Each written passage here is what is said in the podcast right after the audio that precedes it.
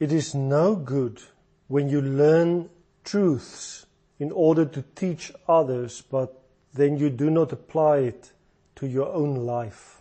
We call that hypocrisy, and it is the most common criticism against Christians. Jesus gave hard-hitting, straightforward warnings about hypocrisy to the religious leaders of his time. We read about it in Matthew 23 verse 3 to 5. So you must obey them and do everything they tell you, but do not do what they do, for they do not practice what they preach. They tie up heavy loads and put them on men's shoulders, but they themselves are not willing to lift a finger to move them. Everything they do is done for men to see. Hypocrisy has caused a lot of damage to a lot of people. So we must stay far away from that. James also gave a strict warning about this way of thinking, namely to talk but not to act. He said that if we hear the word of God and do not do what it says, we deceive ourselves. Furthermore, he said that religion without practical deeds was worthless. Come, let us be realistic. Someone who wants to teach others to disciple people but do not set an example by doing itself is busy practicing worthless religion and is not the best candidate to make disciples.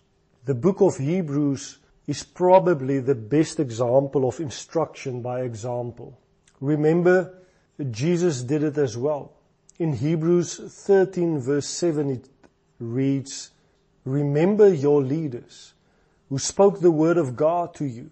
Consider the outcome of their way of life and imitate their faith. The writer of Hebrews literally calls us to examine the outcome of the way of life of the people who teach us.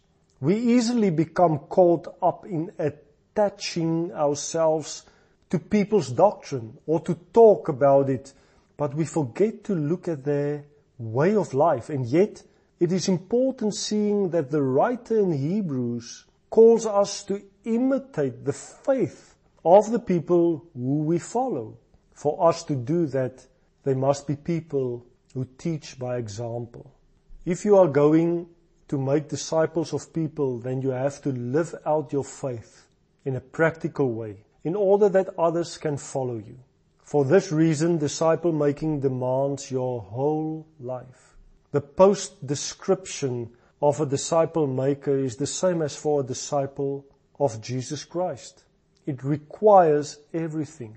You see, a disciple is also a disciple maker. It is not the one or the other. It is two sides of the same coin.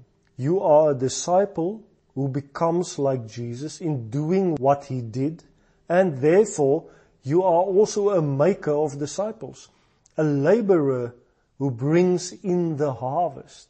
A disciple is required to take up his cross, deny himself, and follow Jesus.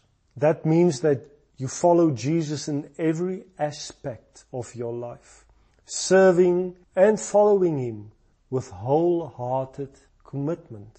If you are not prepared to lay down your life for Jesus, then you are not ready to be or to make disciples. It is as simple as that. It sounds harsh. It sounds as if you are being disqualified. Hopefully, you will realize later on that it is actually very easy. It is not to be an evangelist. No. It is not to be highly educated or to be gifted in order to reach other people. In the end, it is actually there where you find yourself. In your workplace, in your family, with your friends, in your neighborhood. That is the place where you come into relationship with people. And through your love and commitment to Jesus, minister to people in a relationship journey with them, to be with them through the different situations in life, to encourage and help them in times of need. We will still talk about all of this later on. But if you are a disciple in everyday life, then the life of Jesus flows through you and touches others and disciple them. So it does not mean that you must be perfect before you begin. It does not even mean that you must be a disciple maker at a certain place. But as you follow Jesus and become like Him and do what He did, Jesus works discipleship into the fabric of your life and creates His image in you. It takes time and it is a lifelong process. But to answer the call to discipleship means that you count the cost and allow His truth to change your life. To make disciples is to see people change through the power of God's Word and the Holy Spirit. I want you to understand that the people with whom we have relationships will be exposed to His presence and His Word and His Spirit will do the work in their lives. We cannot make a person a disciple. It is always Christ who works through us that make disciples of people, but He uses us as His instruments. But if you want Christ to flow through you to other people, and you want to see other people's lives change, then you have to allow the transformation process in your own life as well.